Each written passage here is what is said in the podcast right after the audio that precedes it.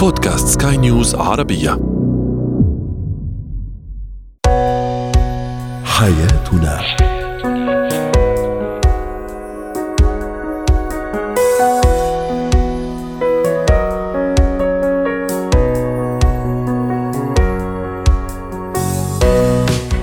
مستمعينا الكرام أهلا بكم. معنا إلى حياتنا فضاؤكم اليومي الذي يعنى بشؤون الأسرة وباقي الشؤون الحياتية الأخرى والذي يمكنكم الاستماع إليها عبر منصة سكاي نيوز عربيه dot com slash بودكاست وباقي منصات سكاي نيوز العربية الأخرى.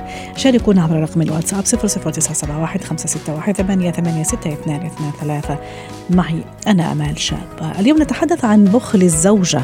هل هو نقمة؟ أم نعمة على الأسرة ولماذا؟ كيف نحقق الأمان في طريق الطفل إلى المدرسة؟ كيف نؤمن له هذه الرحلة وهذا المشوار ونجعله مشوارا جيدا وسعيدا؟ وأخيرا كيف نتخلص من الكسل عند العودة للعمل بعد فترة الإجازة؟ هو وهي. اليوم نتحدث عن صفة البخل عندما تكون في الزوجة. هل هي نعمة أم نقمة؟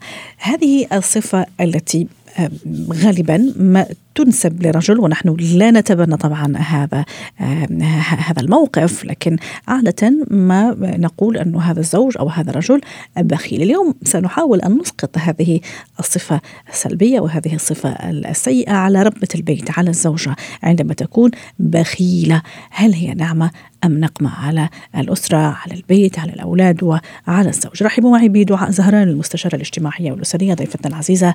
أهلا وسهلا فيك أستاذة دعاء. اليوم هذا كان سؤالنا التفاعلي على منصات سكاي نيوز عربية بخل الزوجة. هل هو نعمة أم نقمة على أسرتها؟ تفاعلات كثيرة. دعيني أقرأ بعض تعليقات السادة المستمعين. أبو رشيد يقول, يقول البخل نقمة. على الناس البخل عمره ما كان نعمة يقول شريف سالم. أيضا آه، تعليق إذا كانت الزوجة تريد مصلحة بيتها وعدم الإسراف في التبذير فهذه تعتبر خطوة جيدة بالاتجاه الصحيح. وإذا كانت بخيلة وكان البخل خارج عن حدوده تعتبر هذه ليست بزوجة وإنما أكيد ستكون نقمة على كل ال عائلة وأخيرا تعليق. نبيل يقول الاعتدال هو الميزان. استاذة دعاء اليوم راح نحكي على هذا الصفة صفة البخل عند الزوجة. ثم راح نحكي كمان الاعتدال شيء جميل لما زوجة تكون مدبرة في البيت تعرف كيف تصرف تعرف كيف تحافظ على فلوس زوجها على مصروف البيت على أموال الزوج لا تكون مبذرة. لكن ماذا إذا كانت بخيلة؟ أوكي بسم الله الرحمن الرحيم. اولا أنا أؤيد آه إن الزوجة البخيلة هي نقمه لأنه نحن أمة وسطه لا إفراط ولا تفريط. ودائما يتصف الشخص البخيل سواء مراه أو رجل بأنها صفة آه سلبية. لأن البخل بخل ليس فقط مادي. البخيل بخيل في المشاعر في العواطف في الحب في العطاء في المادة. في كل ما يملك من من نفسه فهو بخيل. في عطائه لغيره. فهي ليست صفة آه وسطية نقدر نقول إنه والله هذا الشخص آه بيحافظ على أسرته. أيوة.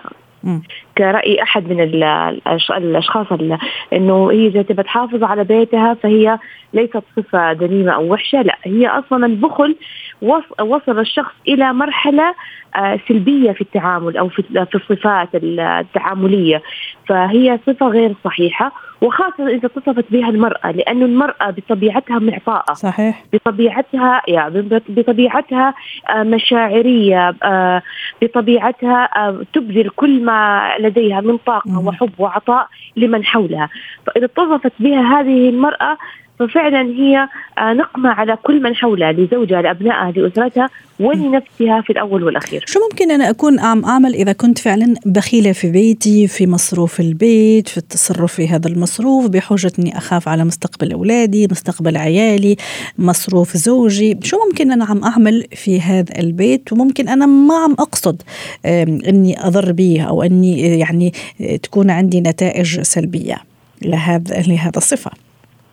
ممتاز. إذا كانت المرأة واعية ومدركة هذا الأسلوب الموجود عندها أو الصفة فلا بد من مراجعة نفسها وتصحيح الأمر. م. يعني لابد أنه هي آه تبدأ تقنن هذا الموضوع لأنه حيعكس عليها في كثير من التعاملات.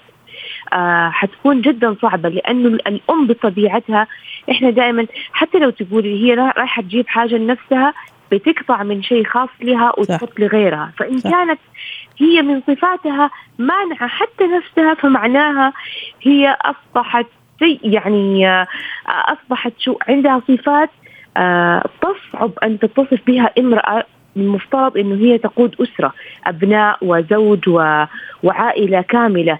فلا بد من متابعة الأمر لا بد من علاج هذه المشكلة ولا بد أيضا من ترشيد ممن حولها. يعني إن كان الزوج آه، شعر بهذه الصفة فلا بد أن يقوم في أمور معينة آه، بدلا منها حتى لا تؤثر سلبيا على آه، أسرتها خاصة إذا كانت أحيانا ممكن في بعض السيدات هن التي يمسكن بزمام الأمور المادية ممكن طبعا مع اتفاق مع الزوج أنه هذا هو مصروف البيت أو هذا هو مصروف هذا الشهر فأتصرفي أنت أنت ويعني والزوج هون مثلا ما بيقصر بيعطي يعني بيصرف على البيت أو بيعطي مصروف البيت وإذ هي يعني آه، بخيلة إيدها جدا يعني مشدودة مثل ما بيقولوا آه، ممكن تأثر مع أطفالها مع أولادها في لبسهم في أكلهم في زيارة الطبيب أحيانا المستشفى مع الزوج أيضا ففعلا هذه مشكلة. وعمره ما كان الحرص يعني آه، والاعتدال يساوي البخل أستاذة دعاء صحيح البخل خلاص وصل لمرحلة آه، متأخرة. آه، زي المريض اللي حالته متأخرة. فالبخل خلاص أصبحت صفة وليست اعتدال أو وسطية أو آه، محافظة. لا هي انتهت من هذه المرحلة. فلا بد من الشخص البخيل يكون عارف بهذا المشكلة أستاذة دعاء لأنه ممكن لما نجي نحكي معه أو معها هذا من موضوعنا اليوم عن الزوجة البخيلة عندها كثير أعذار أنه الحياة صارت غالية المتطلبات غالية المدارس يعني ارتفاع في أسعار المدارس والحياة ومدري إيش. فهل البخيل يعني يكون عارف أنه فعلا هذا صفة مزعجة وصارت تزعج الناس اللي حواليه خاصة أقرب الناس اللي هو أولادها وزوجها؟ ولا دائما هي عندها أعذار تعطي أعذار لنفسها وبالتالي تتوقع إنه هذه الأعذار رح تكون كمان مقبولة عند أقرب الناس اللي هم عائلتها. ممتاز. هو يعرف نفسه إنه هو بخيل أو هي حتعرف نفسها إنها بخيلة ولكن الإنسان دائما آه، يعطي الأعذار لنفسه حتى يعني يعلق يعلق شماعة كل اخطائه على آه، سبب الظروف الاقتصاد الاقتصادية النفسية آه، مستقبل الأبناء تأمين حياتهم المستقبلية. ولكن لو تجي للحقيقة تلاقي ممكن تلبس أبنائها ملابس آه، آه، قديمة ممكن مقطعة ممكن يقول لك من باب المحافظة من باب المحافظة.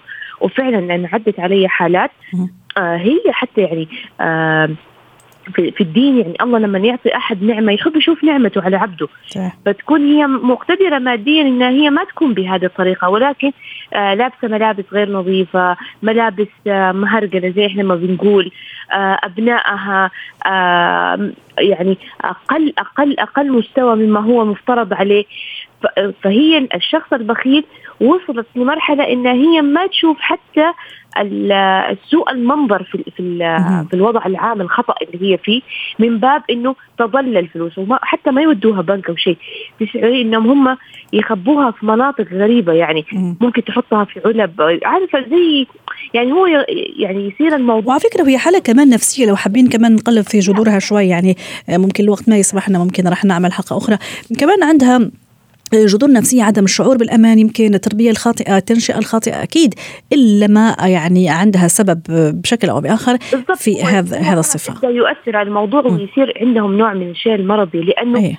آه تبدأ حتى لما يمسكوا الفلوس تحسيها كده يعني يتأكدوا انه هي في كده يعني يحطوا الفلوس يتأكدوا منها يخبوها كده يحطوا شيء في الجيب ده وشيء في الجيب ده شيء يعني طريقة هوس ابدا الموضوع. فلا بد من كل شخص يشعر إنه هو بخيل لابد من معالجة هذه الحالة. صحيح. لأنه تؤثر عليه. أنا يعني فعلا عندنا كم حالة يسيبوا نفسهم مرضى. يعني ما تروح دكتور يقول لك خايفة أشتري دواء وتخلص فلوسي. آه خايفة مثلا أروح آكل في مكان آه لوقت أبغى فلوس ما ألاقي. وهذا طبعا كله خطأ في السلوكيات الطبيعية. وهذا عدم الشعور بالأمان أستاذة دعاء فعلا اللي بيأثر كمان على الأسرة. شكرا لك ودائما إحنا نقول الوسطية الاعتدال مطلوب في كل شيء آه، في كل شيء في, في حياتنا. شكرا لك أستاذة دعاء زهران المستشارة الاجتماعية والأسرية ضيفتي العزيزة من جدة.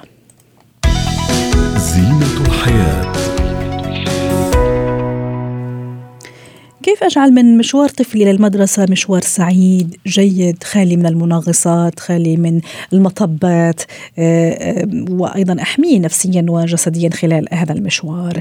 للحديث عن هذا الموضوع رحبوا معي بشيماء شلتوت الأختصاصية النفسية والتربوية ضيفتي العزيزة يسعد أوقاتك أستاذة شيماء. أهلا وسهلا فيك. عادة يعني الآباء والأمهات والأمهات يعني بشكل أكبر في الصباح يعني حريصات على لبس الأولاد هندامهم يتأكدوا من أنه كل شيء تمام اللبس وحذيتوا وانت بكرامة وأنتم بكرامة مستمعين الكرام حتى الأمور تكون تمام حتى ممكن يعني هذا المشوار يكون مشوار سعيد. مش اليوم حابين نحكي على هذا الموضوع نصائح قبل الخروج إلى المدرسة لازم على كل أم وأب عارفينها حتى المشوار يكون سعيد وجميل. أهلا وسهلا بيكي. يا أهلا وسهلا. آه هو والله موضوع كتير مهم آه لأن الأطفال بيتعرضوا لحاجات كتير جدا آه في خلال رحلتهم آه في المدرسة. آه دور الأم والأب الاثنين مهمين جدا. آه من أهم الحاجات اللي نعملها عشان آه نضمن سلامة أولادنا النفسية في خلال رحلتهم المدرسية إن نكون عندنا تواصل قوي قوي بين آه بيننا وبين أولادنا. إن يكون في ثقة متبادلة إنه دايما نحسسهم إنه عادي إن هم يجوا يحكوا لنا أي مشكلة عدوا بيها أو إذا هم أخطأوا في حاجة يجوا يحكوا لنا ما نكونش دايما آه بنعاقب على طول أول ما يحصل حاجة. آه بالذات مثلا مع الأطفال الصغيرين لسه داخلين المدرسة راهبين آه الانفايرمنت أو البيئة الجديدة نبتدي نفهمهم إيه البيئة بتاعت المدرسة إيه المفروض يتعمل إيه اللي مش المفروض يتعمل ممكن نقرأ لهم قصص عن دخول المدرسة وايه المشاكل اللي ممكن يتعرضوا لها ويتعاملوا معاها إزاي. آه من برضو المشاكل مثلا اللي بيتعرضوا ليها الأولاد في المدارس ممكن مشاكل التنمر لأن هي كمان زادت قوي الفترة الأخيرة دي. آه فمن المشاكل بتاعة التنمر لازم الناس تبتدي آه يبقى عندها وعي. يعني المدرسة لازم توعي تعمل توعية للأطفال عن التنمر والأهالي في نفس الوقت. يعني على سبيل المثال لو في طفل بيتعرض للتنمر لازم الأهل زي ما قلنا إن هم يكونوا فاتحين شانل تواصل بينهم وبين الأولاد إن هم يقدروا يجوا نعم. ويحكوا لهم على كل حاجة. طيب. سيده شيماء الأولاد يبتدوا يحكوا يبتدي الاهل يوضحوا الموقف ويبتدوا يوضحوا الحلول اللي ممكن الولد أو البنت يتعاملوا فيها إزاي على الموقف بتاع. جميل رائع، اذا حكينا شوية عن الناحية النفسية إذا بدك، نحكي شوي كمان عن الناحية خلينا نحكي المادية إذا صح التعبير. اللبس لازم أختاره لابني أكون حريصة مثلا خلينا نقول مثلا أحذية أختيار أحذية اللي ما تسبب مثلا التزحلق الانزلاق هذه كمان لسلامة طفلي. ثيابه تكون مريحة كمان. آه عدم ارتداء قمصان أنا كثير أشدد عليها صراحة لأني مرة كنت يعني شاهده على هذا هذا الموقف. كان كثير يعني مأساوي على القمصان اللي ممكن تحتوي إياقتها على أربطة خاصة بالنسبة للأولاد الصغار أربطة عنق ممكن أحيانا يقوموا بلفوا الأربطة على العنق. فقصدي هالأشياء اللي لازم أنتبه لها كأب وأم قبل ما يروح ابني على المدرسة. كل مدرسة ليها الزي الخاص بيها. صحيح. الاهل ما عندهمش حرية اختيار قوي في نوع الزي نفسه ولكن طبعا المقاس لازم يكون مظبوط لازم نكون متأكدين إنه مرتاح ما يكونش كثير ضيق أو واسع زيادة يكون الطفل مرتاح فيه تمام. يكون حاسس حتى إنه شكله مهندم ونظيف لازم دايما يكون نظيف ومهندم. لبرضه إن إحنا نبعد عن مشكلة قلة الثقة بالنفس انه الطفل لازم لما يروح المدرسة يكون حاسس إنه واثق من حاله. فيكون واثق من نفسه إزاي انه يلبس يكون مهندم يكون نظيف يكون هو نظافته الشخصية دايما مراقبة إنه الأهالي دايما يكونوا عاملين حسابهم ان الطفل لازم يكون واخد الحمام بتاعه بيغسل أسنانه وكل الحاجات دي. فده بتخليه حاسس إنه واثق من نفسه وهو رايح المدرسة ومرتاح. جميل رائع. أيضا نحرص كمان أشدد عليها كثير إنه في الأدوات ممكن اللي ياخذها ابني ممكن حتى نقول في صندوق الطعام تبعه تكون الأغذية معمولة بشكل جيد مقشرة مقطعة بشكل جيد ما فيش أدوات حادة مقص قصصة أظافر مثلا خاصة الاطفال صغار السن كثير اللي ممكن ما بيعرف كثير يتصرف في هيك مواقف. هذه من الأشياء الضرورية اللي ننصح فيها. طيب جينا مثلا إذا كان طفل يروح في الباص كمان أستاذة شيماء أكيد في نصائح اليوم حابين نعطيها للأباء والأمهات نوعي من باب التوعيه أكيد ما شاء الله مستمعينا كثير واعيين بهالموضوع لكن لا مانع لا يمنع أنه منصتنا دائما للتوعية وحتى نضوي كثير وأكثر على هيك مواضيع. إذا ابني مثلا يروح في الباص قديش كثير يعني اعلمه الالتزام بموعد الباص بقدومه الالتزام بهذا المواعيد. أشرح لطفلي كيف يصعد للباص كيف ينزل منه وإن طبعا كان في مشرف داخل الباص أكيد هذه مهمته الأولى والأخيرة. ضروري. أكيد طبعا. ولازم الحذاء بتاعه يكون مربوط كويس. صح. ممكن وهو طالع على الباص أو حاجة يتكعبل يقع يحصل مشكلة. آه، فمن الح... من من الحاجات اللي محتاجين نأكد عليها بالذات في صعود الباص موضوع الحذاء انه يكون مربوط كويس الشنطة تكون على ظهره ما يبقاش ماسكها في إيده عشان يقدر يمسك آه، في الباص ويطلع من غير ما يتكعبل وكده. وبوزن آه مثالي وبوزن طبعا يراعي جسمه وجسده وطوله و... و... ووزنه أيضا. طبعا أو الحزام الأمان إنه يكون موجود في الباص لازم برضه بيكون آه حاطه ما يكونش في مشي كثير في الباص يعني كثير من الأولاد طبعا بيتحمسوا ويحبوا يلعبوا مع بعض صح. في الباص. فلا لازم كل طفل يلتزم بمكانه. وده دور أكيد المراقبة أو المشرفة الموجودة على الباص إن هي تلتزم وتتأكد إن الأطفال ملتزمين آه، بمكانهم. آه، كمان من الحاجات اللي بتبقى موجودة في الباص انه ساعات اللي في الباص ما بيكونوش كلهم في نفس العمر بيبقوا أعمار مختلفة من فصول مختلفة. فبرضه هنا ساعات بيحصل إنه ممكن يبقى في تشاجرات ومشاكل بين الأعمار المختلفة ممكن الكبار يبتدوا يضايقوا الصغيرين وكده. فبرضه لازم نوعي أطفالنا إن هم لازم يفهموا إنه لما يحصل آه، مشكلة زي كده لازم يلجأوا للمشرف اللي معاهم على الباص وطبعا يجوا يحكوا للأهل. يمكن من الأشياء اللي يعني الأشياء اللي للأسف كثير أطفالنا يعملوها وكمان يعني نتائجها كثير مضرة بصحتهم. في كثير أطفال ممكن تشاطريني راي استاذه شيماء يحب يحط إيده واصابع أطرافه على مفاصل الأبواب والشبابيك. وهذه كمان مشكلة ولازم نوعي أطفالنا بها حتى ما تكون إصابات لا سمح الله عدم إخراج رأسه أو ذراعه من شباك الباص. هذه كثير مهمة أستاذة شيماء تفضلي. مظبوط. ومن الحاجات اللي حضرتك كنت بتحكي عليها على الوجبات إنها لازم تكون مجهزة بطريقة معينة آه برضو لازم نوعي أولادنا إنه ما ينفعش يبدلوا أكلهم مع صاحبهم. يعني ما ينفعش إنك عايز تدوق من أكل من صاحبك تدوقه لأن لعدة أسباب. ممكن ابني يكون عنده حساسية من نوع أكل معين صحيح. ويجي يجرب أكل من طفل تاني فيبتدي الحساسية تطلع عليه ويبقى عنده مشكلة صحية. فدايما برضو دي من الحاجات المهمة صحيا إن إحنا نأكد على أولادنا أكلك اللي معاك هو ده اللي بتاكله ما بتاكلش أكل من طفل تاني عشان موضوع الحساسية وأي آه، يعني م. كل أهل بيبقى ليهم زي رولز آه، معينة أو قوانين معينة في الغذاء بتاع أولادهم. شكرا لك أستاذة شيماء شلتوت الأخصائية النفسية والتربوية ضيفتي العزيزة من دبي وأتمنى لك اوقات سعيدة. مهارات الحياة اليوم نتحدث كيف أتخلص من الكسل الذي ينتاب كثير من الأشخاص عند العودة من الإجازة للعمل والعودة للحياة العملية اليومية الاستيقاظ الاستيقاظ مبكرا يعني الازدحام المروري ثم العمل لساعات طويلة وأخيرا العودة للبيت بعد يوم طويل. رحبوا معي بلانا قاعاتي مدربة مهارات حياة ضيفتي العزيزة. أهلا وسهلا فيك يا لانا اليوم نتحدث عن الشعور بالكسل اللي ينتاب البعض الأشخاص اللي يرجعوا من الإجازة. الإجازة بعد ما كانت إجازة جميلة طويلة آه، ممتعة وإذ به يقع في هذا الفخ فخ الكسل أيام صعبة جدا آه، تلي الإجازة والعودة للعمل. نهاركم سعيد جميعا. نحن دائما بنسمع جملة بدي عطلة بعد العطلة. بدي إيه؟ وبنتداولها بدنا إجازة بعد الإجازة. أها صحيح. عطله بعد العطلة. صحيح. بنتداولها كثير فعلا.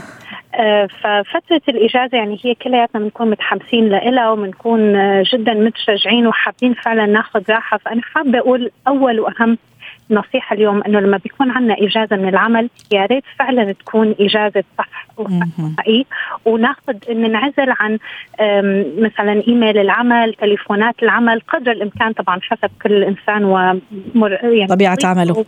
طبيعة عمله. لكن في كثير من النماذج اللي بنشوفها بمجال العمل طبيعة عمله بتسمح له إنه ينعزل لكن هو بيشعر إنه لا أنا صعب إنه يمكن ما يمشي الشغل من غيري أو صحيح. كيف يمشي أو يصير أموره أنا أيوه ممكن تفوتني أشياء كثيرة وفي الحقيقة ما راح يفوتوا ولا شيء تماما. فأهم نقطة أنه فعلا في وقت الإجازة هو وقت عطلتك وراحتك. استغل هاي الفترة لفعلا أنت تفصل وترتاح من العمل. درجة على فكرة في تلاقي ناس حتى هم في إجازة على تواصل يعني شبه يومي مع زملاء في العمل يعرفوا الأخبار إيش صار مين راح مين إجا. فبالتالي أنت ما حققت الهدف من الإجازة. تماما. وقت لما بدهم يرجعوا فترة العودة بصير عندهم أكثر مثل بيسموه مثل هيك كآبة قبل العطلة أو متلازمة. هيك بيشعروا إنه هن ما استعادوا نشاطهم آه العطلة ما أعطتهم أو غيرت لهم أي شيء من الروتين اللي كانوا عم يعملوه. فمهم جدا التركيز على هي النقطة. وإذا كانوا أخذين إجازة طويلة آه وخاصة إذا فيها سفر يحاولوا يعطوا نفسهم فرصة إنه يوم يومين فاصل قبل العودة للعمل لحتى يرجعوا للروتين طبيعي آه، حتى مثلا بالمجالات اليومية أو مع أطفالنا والمدارس في كثير ناس بترجع قبل الدوام بيوم أو بنفس الليلة. فطبيعي نحن ما ممكن إنه فجأة نتحول من إنتاجية صفر إلى إنتاجية مية خلال ليلة واحدة. فبنحتاج أن نعطي نفسنا فرصة على الأقل يومين لحتى نرجع للمنزل للروتين لتنظيم البيت تنظيم نفسنا. آه، عادات وساعات النوم جدا مهمة بتعمل فرق. صحيح. فبنحتاج أنه قبل يومين مثلا نحاول ننام أبكر شوي نص ساعة ساعة لحتى نرجع على الروتين. آه، هاي الأمور كلها حتى نوعية الأكل ونظام أكلنا بنكون ما في نظام محدد لوجباتنا أو بنكون مثلا ما عم نمارس الرياضة بنفس الجدية والالتزام. فكل هالأمور الروتينية إذا بنحسن نرجع لها قبل انتهاء العطله بيومين بتساعدنا إنه نرجع للعمل خاصة بنفسية أكثر فيها يعني نشاط أكثر ونكون مستعدين. لا لا أحيانا البعض يمكن هذه من بين أنا في رأيي من بين الأخطاء اللي يقع فيها يعني لبعض الأشخاص. خلص هو طالع إجازة يقول لك خلاص خلي يعني ما يكمل كل كل كل المهام الموكلة إليه يقول لك بعد ما أرجع معلش هذا خلي بعد ما أرجع. الموضوع الأخير الثاني خلي بعد ما أرجع. وإذ به يوم أول يوم يلاقي عنده كم كبير من المهام ممكن هذا من الأشياء كمان اللي راح تصعب عليه العودة. صحيح وهي كانت نقطتي القادمة أنه لازم نحن قبل العطلة نعمل قائمة بكل المهام اللي موجودة عنا ونحدد فيها الأولويات. إذا في شيء فعلا مهمة الأفضل أنه نخلص منها قبل ما نتوجه للعطلة. وإذا في أمور ممكن تنتظر كمان نحدد له قائمة لأنه نحن ممكن ننسى أو أنت ممكن تتجاهل نحدد هذه القائمة ونشوف هل ممكن طلب مساعدة أو تفويض بعض الأمور للزملاء خلال فترة العطلة أو لا. لأنه إذا في مجال للتفويض كمان أحسن. حتى صح. أنت لما ترجع يكون عندك أقل يعني مهام. كمية الأعمال المهام بدك تعملها تكون أقل من أنك عم تتكاثر عليك. فتحديد قائمة بكل المهام والمسؤوليات جدا مهم لنعملها قبل ويكون في عنا قائمة حتى لما أنت ترجع يكون سهل عليك تتذكر وتستحضر فورا شو أول شيء لازم تبدأ فيه. صحيح. فهي قائمة تكون جاهزة لأنت تقراها تكون مثل هيك سمري مختصر مفيد عن كل النقاط آه، اللي لازم ترجع لها فورا وبشكل سريع. وبنصح إنه ما حدا يحدد اجتماعات أول يوم من رجعته لأنه بيكون الإنسان لسه ما رجع لمود العمل والشغل والأفكار. فالأفضل إنك تتجنب أي اجتماعات تكون باليوم الأول من العوده للشغل آه، إذا في مجال لتفعيل خاصية الإيميلات التلقائية حتى تكون الردود تلقائية على الإيميلات ولما بتكون أنت راجع فيك تعمل آه، فلترة أكثر وتروح عبر البريد الإلكتروني بطريقة إنه أنت تحسن تشوف شو الأولوية بالرد.